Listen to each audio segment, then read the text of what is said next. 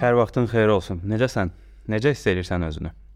Bu sualım artıq belə məşhurlaşıb demək olar. Bütün təlimlərdə, seminarlarda, hardasa izləyicilər görəndə, dinləyicilərlə söhbət edəndə deyirlər ki, ya sanki adam ə, kimlənsə söhbət eləyirmiş kimi bir mesaj alır, elə bir hissiyat verir insana. Həqiqətən də önəmli sualdır. 4-5 podkastda demişəm də, sanki beyninin içərisində kimsə oturub və səndən danışır. Və çox qəşəng bir şeydir.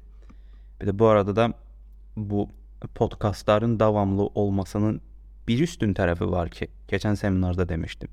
Sanki sənin kimi düşünə bildiyin bir adamın olduğunu hiss eləyirsən, görürsən və bu səni daha da rahatladır. Yaşamın daha da belə sadələşməyə başlayır və sevinirsən və bir tərəfdən də şükür edirsən ki, yaxşı ki, mənə oxşar, mənə uyğun, mənim kimi düşünə bilən insanlar var. Bax bu bu özü bir birlikdir, gözə görünməz bir bağdır. Bəlkə də heç arada bir-birimizi görməyəcəyik.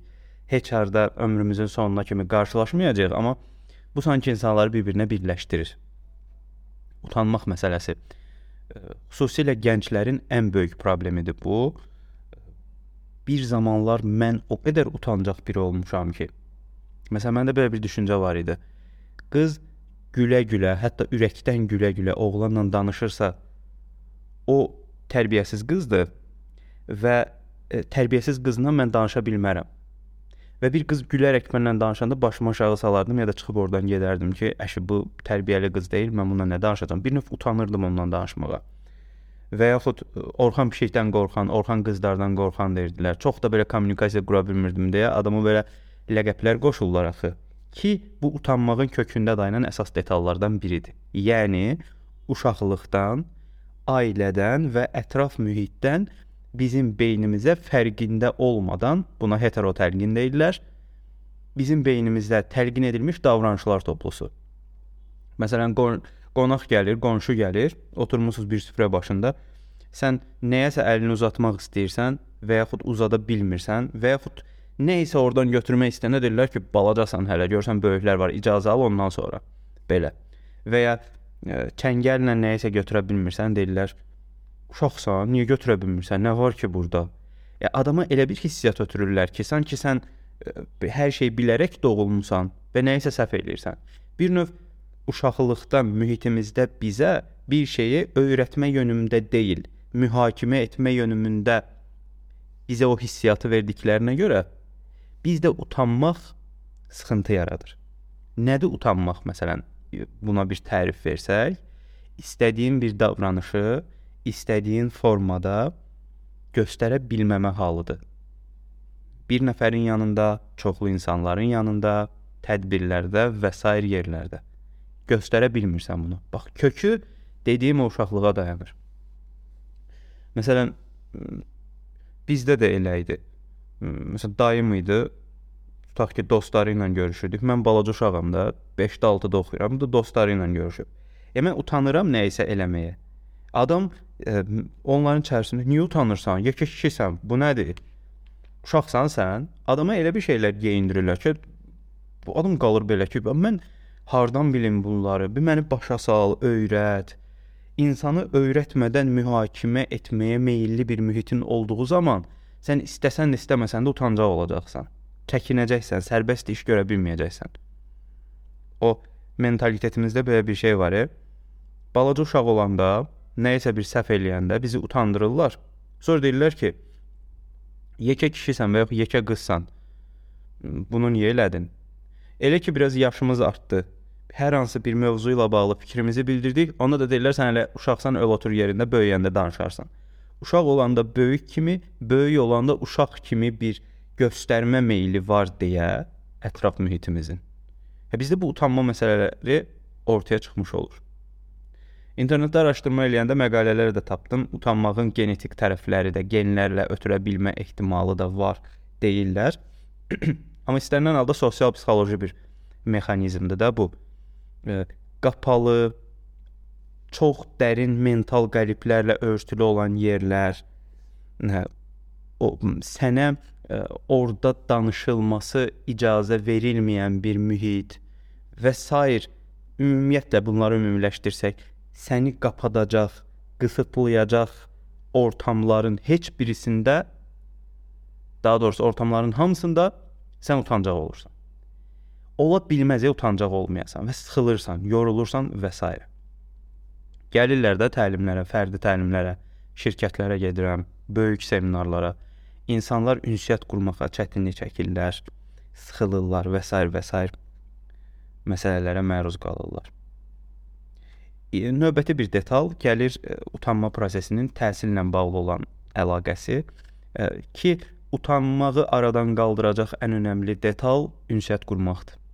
Danışmalısan ki, utanma ilə bağlı olan məsələlərin aradan qalxsın. Yəqin bilmirəm səndə olubmu yoxsa yox. Məsələn məndə belə çox belə bir detal var. Belə bir xüsusiyyət var daha doğrusu. Mən böyük auditoriyalarda, məsələn 500 min nəfərlik olsun, özümü çox rahat hiss eləyirəm. Amma kimsə məndən yolda və ya hardasa şəkil çəkdirsin, belə biraz utancaqlığım tutacaq və belə bir qəribə hiss eləyəcəm özümü. Mən belə bir ə, şou göstərmək, poza vermək və s. və s. şeyləri eləməyi çox da bacarmıram. Yəni bu pis bir şey de demirəm ha. Sadəcə mən bunu bacarmam, utanıram. Və belə bir qəribə bir şey olur. Yəni çox özünü sərbəst hiss elədiyin yerdə hansı daha doğrusu insanların özünü sərbəst hiss eləyə bilmədikləri yerdə sən çox sərbəst ola bilərsən.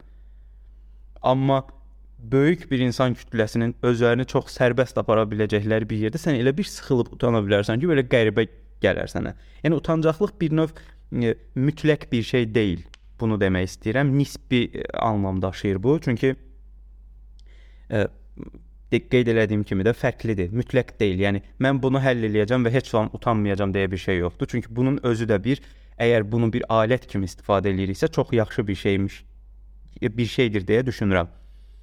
Yəni elə yerlər var ki, həqiqətən orada utananda o sənə plus qazandırır. Elə yerlər də var ki, sən orada minus qazanırsan. Müsbət və mənfi tərəflərini ona görə düşünmək lazımdır. Utanmaqla bağlı növbəti bir detal cinsi məsələ ola bilər. Bir tanışım var idi. Ə, uşaq vaxtı anonizm deyirlər buna. Böyüyəndə artıq buna masturbasiya deyirik biz. Nə baş verir? O cinsi hormonal dəyişiklikləri baş verən vaxtı özündə, bədənində o ə, geyişmələr yaranır. Daha sonra belə cimildəşir bədəni. Belə də ə, özünü ə, tanımağa başlayır bədənini, toxunur bədəninin müxtəlif yerlərinə və deyir ki, mən kimə özünü tanımlayır da belə türklər demiş. Tanımağa çalışır və cinsi orqanlarına toxunur. Hə, cinsiyyət orqanlarına daha doğrusu. Deməli danışır ki, mənə oğlandır. Mən deyir, belə bir şey eləyəndə anam, atam, bacılarım, qardaşım qapını açıb anidən içəri girirdilər və nə edirsən burada, nə iş görsən? O nədir, tərbiyəsiz, gedib filan kəsə deyəcəm deyirdilər və həmin adam onu danışır, psixoloqda terapiya alırdı. Danışır və indi həmin adamın ə, as ə, aseksuallığı var. Hansı ki, cinsiyyətə, cinsi əlaqəyə meylli deyil. Bu tərəfdən onun utanmağı var. Evli də adam, uşaqları da var, amma bu tərəfdən bir aseksual həyatı var. Onda o travma qalıb. Yavaş-yavaş psixoloqla, psixiatrla o məsələni həll edir, amma ümumi olaraq belə qalır. Bunun özü də bir utancaqlıq növünə gəlir, çıxır. Bunu bacarmayıb və ya fiziki tərəfdən, məsəl üçün idmanla məşğul olub adam, bədəni falan böyüyüb, onu döyüb, bunu vurub yıxıb və s. həmişə bunun ətrafında deyiblər ki, sən əjdahasan, sən güclüsən, səndən yoxdur, canavarsan və s. İndi adam ə, təhsillə məşğuldur, başqa bir işlə məşğuldur və ə, düşünür ki, həmin fiziki gücü qalmayıb və ona görə belə fiziki güc ə, gərəkən yerlərdə belə sakit dayanır. Zalda idman eləyə bilmir, çöldə özünü özgüvənsiz hesab eləyir, utanır, sıxılır və s. və s. Bayaq başda demişdim ha o ə, mühit məsələsi ə, çox önəmlidir. Elə bil ə, iki buna deyirlər deprivasiyada iki arzu olunmaz vəziyyət arasında qalırsan. Getmək istədiyin yerlə olduğun yer arasındakı narazılıq durumu deprivasiya budur və A nöqtəsindən B-yə getmək istəyirsən və gedə bilmirsən və burdakı o narazılıq durumu sənə bu, bu tipli sıxıntılar yaradır. Və utanmağa başlayırsan. Bir mühitin və özünü ifadə etmən. Mən düşünürəm ki, burada bu məsələnin həllində detal özünü ifadə üzərində qurulur.